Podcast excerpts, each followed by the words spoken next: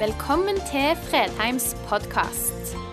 For mer informasjon og ressurser, besøk oss på fredheimarena.no, eller finn oss på Facebook.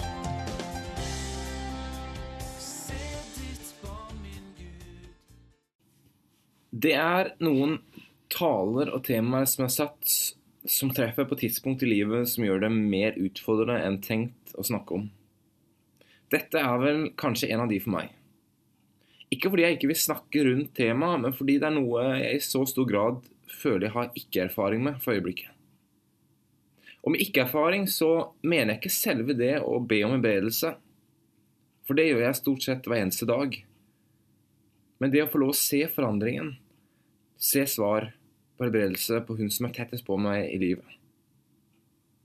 For de som ikke kjenner meg så godt, så går denne ikke-erfaringen på i ti år å ha bedt for min eh, syke kone, som er kronisk syk med leddgikt, og ikke har opplevd å få særlig konkrete svar i form av bedring. Faktum er at på det tidspunktet jeg forbereder denne talen, så er hun inne i sin verste periode hittil i sitt sykdomsforløp. Så jeg vet noe om det å be om helbredelse og vente år etter år på konkrete svar. Da er det viktigere at dere ikke misforstår meg. For vi opplever oss på så mange måter rikt velsignet av Gud. Men på dette området må vi være helt ærlige. Vi venter på svar. Vi skriker etter svar, vi gråter etter svar. Men jeg kommer ikke til å stoppe å spørre. Vi nekter å la vår erfaring at dette med helbredelse tar sykt lang tid, forme vår teologi på at da gjør vi det ikke lenger, da. At undernes tid er forbi. Jeg leste på fredag et utsagn av Egil Elling Ellingsen, pastor i Imekirken, som jeg syns var ekstremt treffende. Han sier sunn karismatikk forutsetter ikke bare sunnhet, men også karismatikk. Det har av og til slått meg hvordan noen av de kirkene, bevegelsene og menighetene, bedehusene, som hevder å være bibeltro, og for så vidt er det når det kommer til de etiske spørsmålene, plutselig blir ganske stille eller begynner å unnskylde seg når det kommer til hebredelse, under og tegn. Eller enda verre, uttrykt eksplisitt eller forstått gjennom mangel på praksis, bærer en teologi om at undernes tegn er forbi. La meg si det med en gang. Dette er ikke en bibelsk teologi. Underens tegn er ikke forbi. Og vi vet veldig godt hvordan vi kom hit. Vi ble skuffet av bønner vi ikke så oppfylt. Vi så ikke de helbredelsene vi hadde bedt så sterkt om å se. Vi ble usikre på hører egentlig Gud de bønnene jeg ber år etter år for min kone som er syk, min datter min bror, de ordene jeg former, skrikende fra det innerste av mitt liv. Og vi merket presset fra vitenskapen. Ikke kan jeg bevise dette naturvitenskapelig, og ikke se hele underne skjer. Og så satt jeg oss passive. Og vi fant en utvei å takle det nederlaget på. Vi stoppet mer eller mindre opp praksisen, fokuset og så begynte heller en del av oss såkalte bibeltro å kritisere de som for, fortsatt for alvor prøvde for å ha en dårlig teologi. Det henger bare ikke på greip. Og så gjør vi akkurat det samme som vi kritiserer de såkalte liberale nei, teologene for å gjøre. Vi tilpasser teologien vår til samfunnet rundt oss. Vi stopper nærmest opp å praktisere noe av de tingene som var det mest sentrale av alt hos Jesus og disiplene i deres tjeneste. Fordi vi ikke ser resultatet. Vet du hva, beklager å måtte si det, men det er hyklerisk. Sunn karismatikk forutsetter ikke bare sunnhet, men også karismatikk. I hvilken grad tillater vi det i våre liv? Og nå vil Kanskje noen bli provoserte og har lyst til å stille meg det spørsmålet Hva vet du egentlig om det å leve med alvorlig sykdom? Men så vet du alle at jeg har sagt noe om det. At på de verste dagene i meg og Merete sitt liv, min kone, som jeg bærer hun opp fra stua, opp i senga, fordi hun har så vondt i beina at hun ikke klarer å stå på dem. Men jeg eller hun har likevel ikke planer om å bytte ut vår teologi på det området ut ifra at vi av erfaring nå ikke ser svar, akkurat nå. Gud er en undernes gud, og han er det i dag òg. Selv om vi er av og til et par spørsmålstegn til hvorfor han ikke handler, når smerten er som størst. I Matteus 8,9 ser vi ganske ty tydelig tyngden av dette helbredelse, tegn og undre i Jesus sin tjeneste. Først med den spedalske mannen i vers 2, 8,2, som kastet seg ned for Jesus og sa, 'Herre, om du vil, kan du gjøre meg ren.' Og Jesus strakte ut hånden, rørte ved ham. 'Jeg vil', sa han. 'Bli ren.' Og straks ble mannen renset for spedalskheten. Så var offiseren i Kapernaum. 'Herre', sa han, 'tjenestegutten min ligger lam hjemme og har store smerter.' Og Jesus sa, 'Jeg skal komme og helbrede ham.' Offiseren svarte, 'Herre, jeg er ikke verdig til at du kommer inn under mitt tak.' Men si bare et ord, så vil tjenestegutten min bli helbredet. Og til offiseren sa Jesus, Gå, det skal skje, slik du trodde, og tjenestegutten blir frisk i samme stund. Et helt annet sted. Og så skjedde det ved Peters svigermor. Og så reiser Jesus seg opp i båten fordi disiplene er redde for at de skal gå under i stormen. Og han reiser seg opp, sier 'bli stille', og de blir blikkstille. Og naturkreftene lyder han. Så i møte med de to mennene fra gravhullen som var besatt av onde ånder, som alle andre som bodde der, gikk rundt for ikke å treffe på. Men Jesus oppsøkte de, eller det vil si, de oppsøkte Jesus og gjenkjente ham som Guds sønn. Og Jesus ber de onde åndene om å fare ut. Og de gjør det. Og disse to menneskene løper inn i byen for å fortelle om det som hadde skjedd. Og så skjer det med den lamme mannen som ble båret til Jesus, og Jesus først sier, Vær frimodig, sønn, syndene dine er tilgitt. Og selvfølgelig var det noen skriftlærere til stede der som reagerte på dette her, for de kunne skriftene, og de mente han her spotter Gud. For det er kun Gud som kan tilgi synder. Men han så hva de tenkte, og han sa, Hvorfor går dere med onde tanker i hjertet? Hva er lettest å si? Synden din er tilgitt? Eller stå opp og gå? Men for at dere skal vite at menneskesønnen har makt på jorden til å tilgi synder, så vendte han seg nå til en lamme og sa, stå opp og gå. Ta båren din, gå hjem. Og mannen reiste seg, gikk hjem, og da folkemengden så det, ble de grepet av frykt, priste Gud som hadde gitt mennesker slik makt. Og så videre, i kapittel 9, går han forbi Jairus hus og vekker opp hans større datter. Og på veien dit helbreder han en dame med blødninger som rød ved dusken på kappefliken hans, før han helbreder to, en blind og en stum. Og så, i vers 36 kapittel 9, ser han utover folkemengden. Og det står da han så folkemengden, fikk han inderlig medfølelse med dem, for de var forkomne og hjelpeløse, som sauer uten gjeter. Da sa han til disiplene sine, høsten er stor, men arbeiderne få. Be derfor høstens herre send utarbeidere for å høste inn grøden hans. Ofte når vi snakker om dette verset, så snakker vi fort om hyrdefunksjonen. Om å finne Jesus, om å finne tro, om å finne en ledelse i livet. Om å bli frelst. Men denne oppsummeringen for Jesus er pakket inn bak de utallige historiene i kapittel 8 og 9 jeg akkurat delte med dere, om hans virksomhet rundt helbredelse, tegn og under. Og hva tror dere kommer i verset etterpå? I vers Matteus 10 han kalte til seg de tolv disiplene sine, ga dem makt til å drive ut urene ånder og helbrede all sykdom og plage. Det er pakket igjen rundt dette. Mon om ikke det ligger noe annet i de versene enn det vi tidligere har gjort, om at høsten er stor, men arbeiderne få. Og nå når han bare, når vers senere sender ut apostlene, i vers 7 og 8 så sier han på denne måten, gå og forkynn, himmelriket er kommet nær.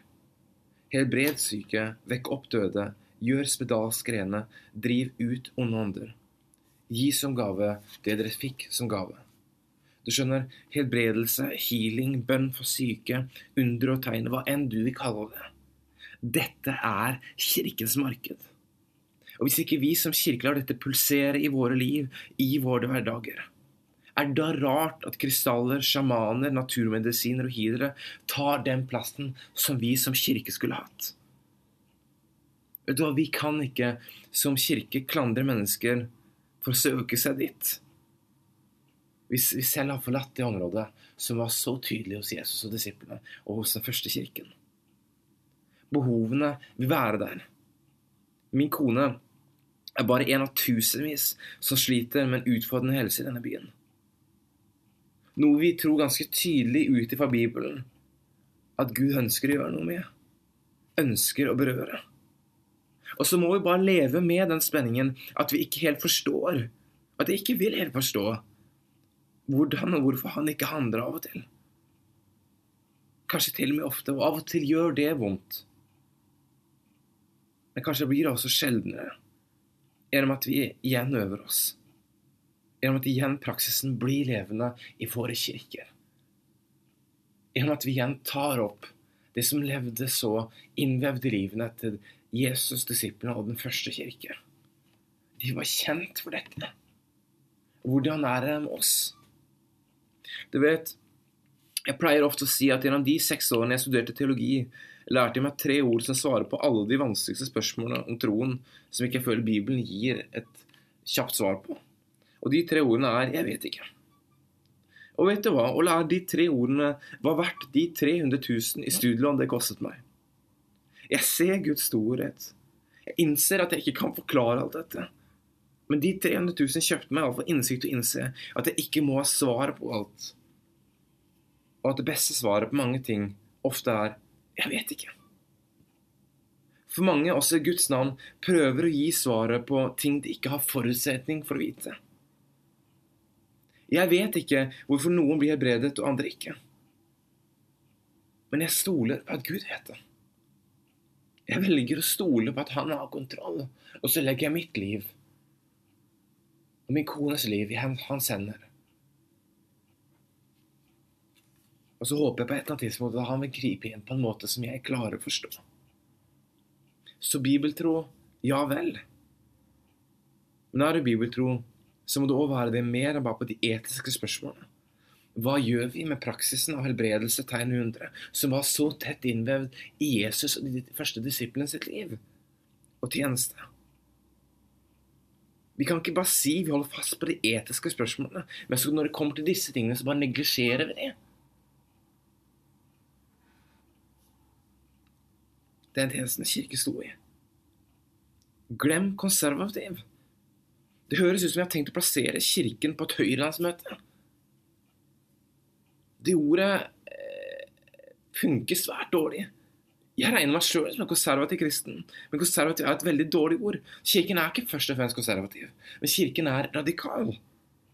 Det handler ikke om å bli lært opp og trent opp til å holde fortene, holde skansene mens fiendene skyter, prøvet å, prøve å synke minst mulig i medlemstall.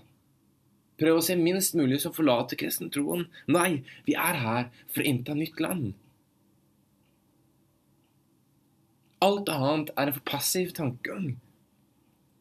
Vi kan ikke leve med at de som er hjelpeløse forkomne når det kommer til utvendig og innvendig sår, sykdom og skader, må søke seg vekk fra kirken for å finne svar. Det holder ikke mål. Dette var og er kirkens marked. Vi tror Gud bryr seg.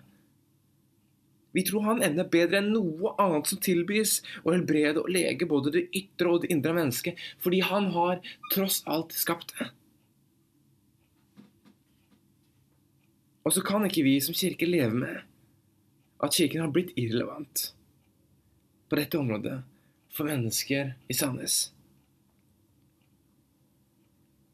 Han sendte sine tolv ut for å forkynne at himmelriket er kommet nær, helbrede syke, Vekk opp døde, gjør spedalsk rene og drive ut onde ånder.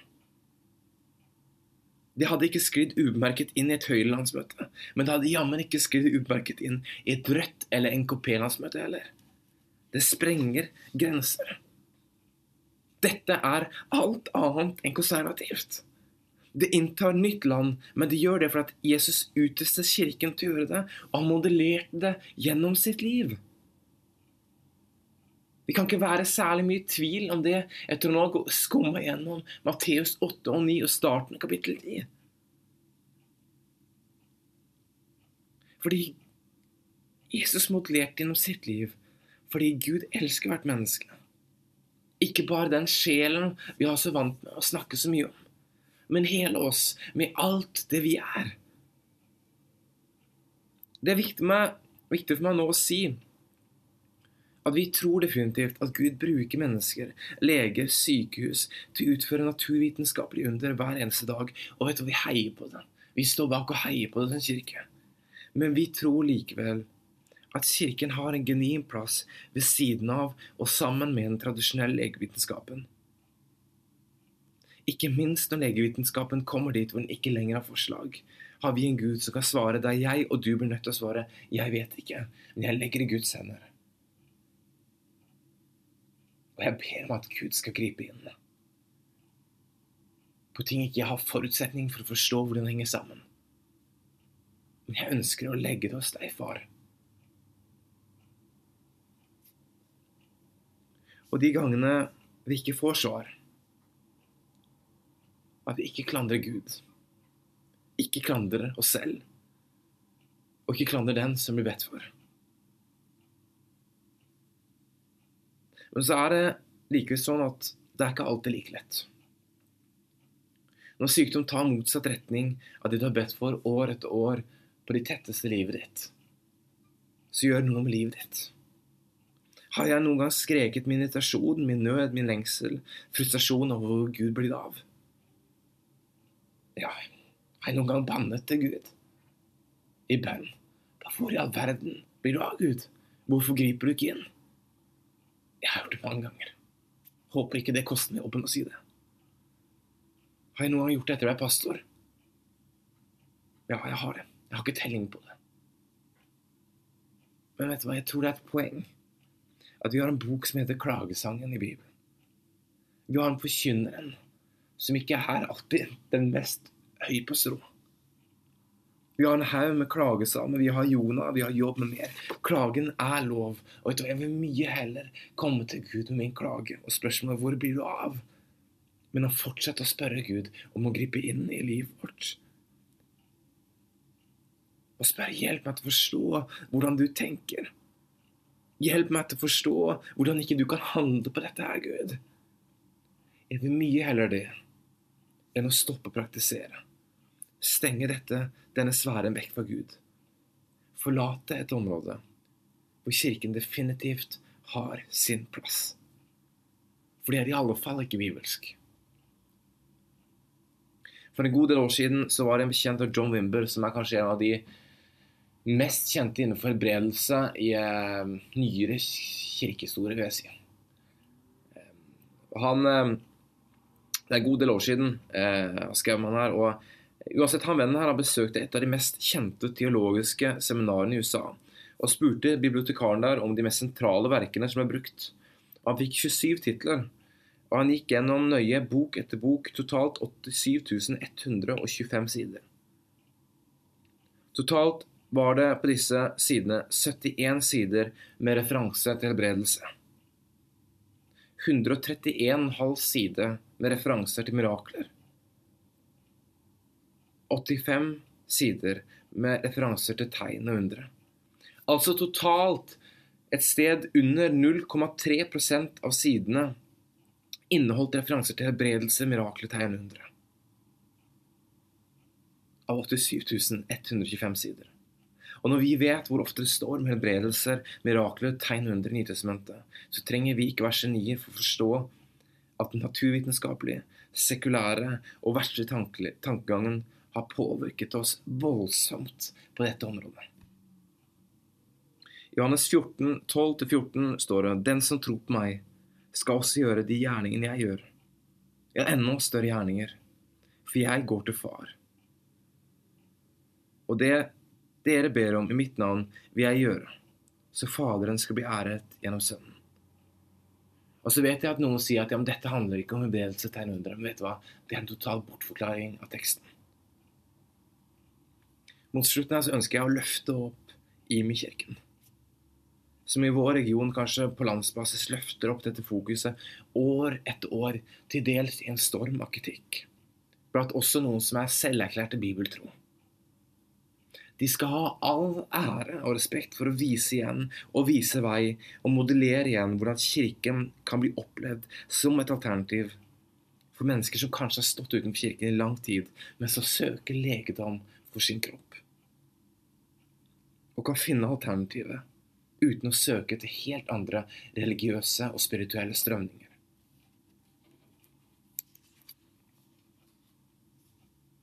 For en stund tilbake så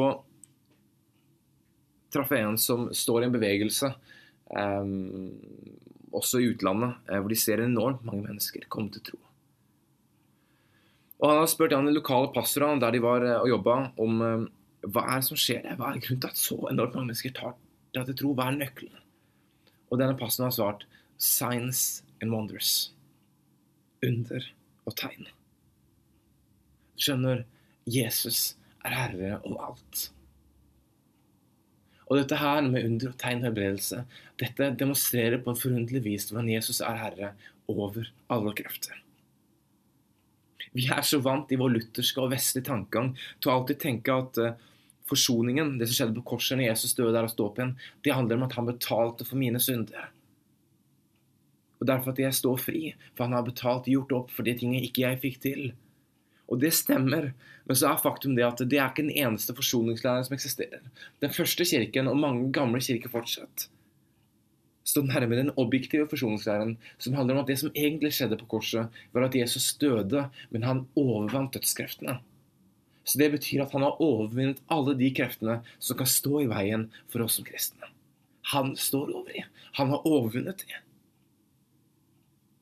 Jesus er Herre. Til slutt, hva skal dette bety for deg? Hvis Jesus er herre over alt, så er han nå herre over dette.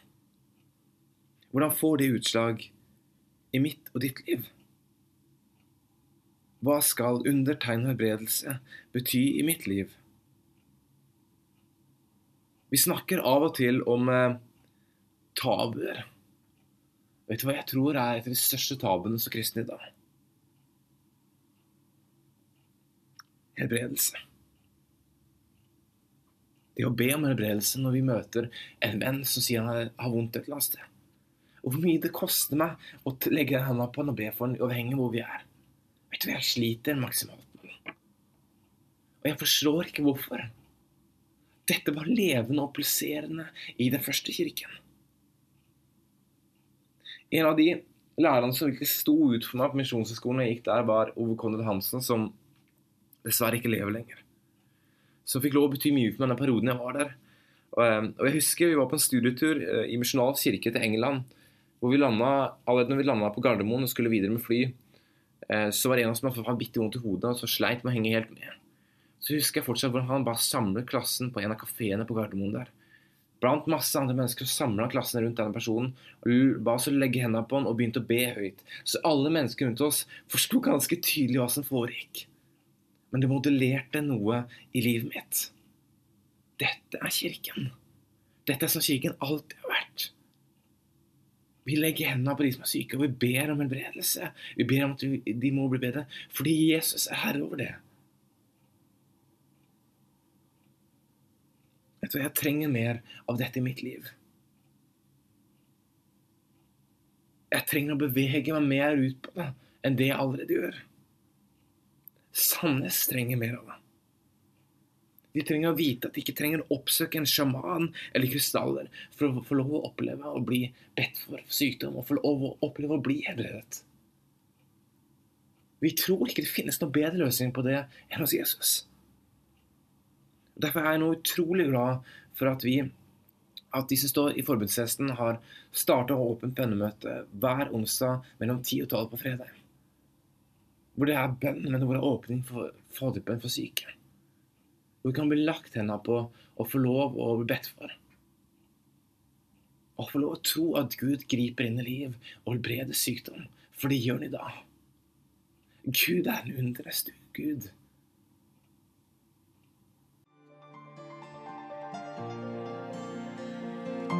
Takk for at du valgte å høre på. Nye opptak legges ut hver uke. Vi har gudstjenester hver helg, og du er hjertelig velkommen.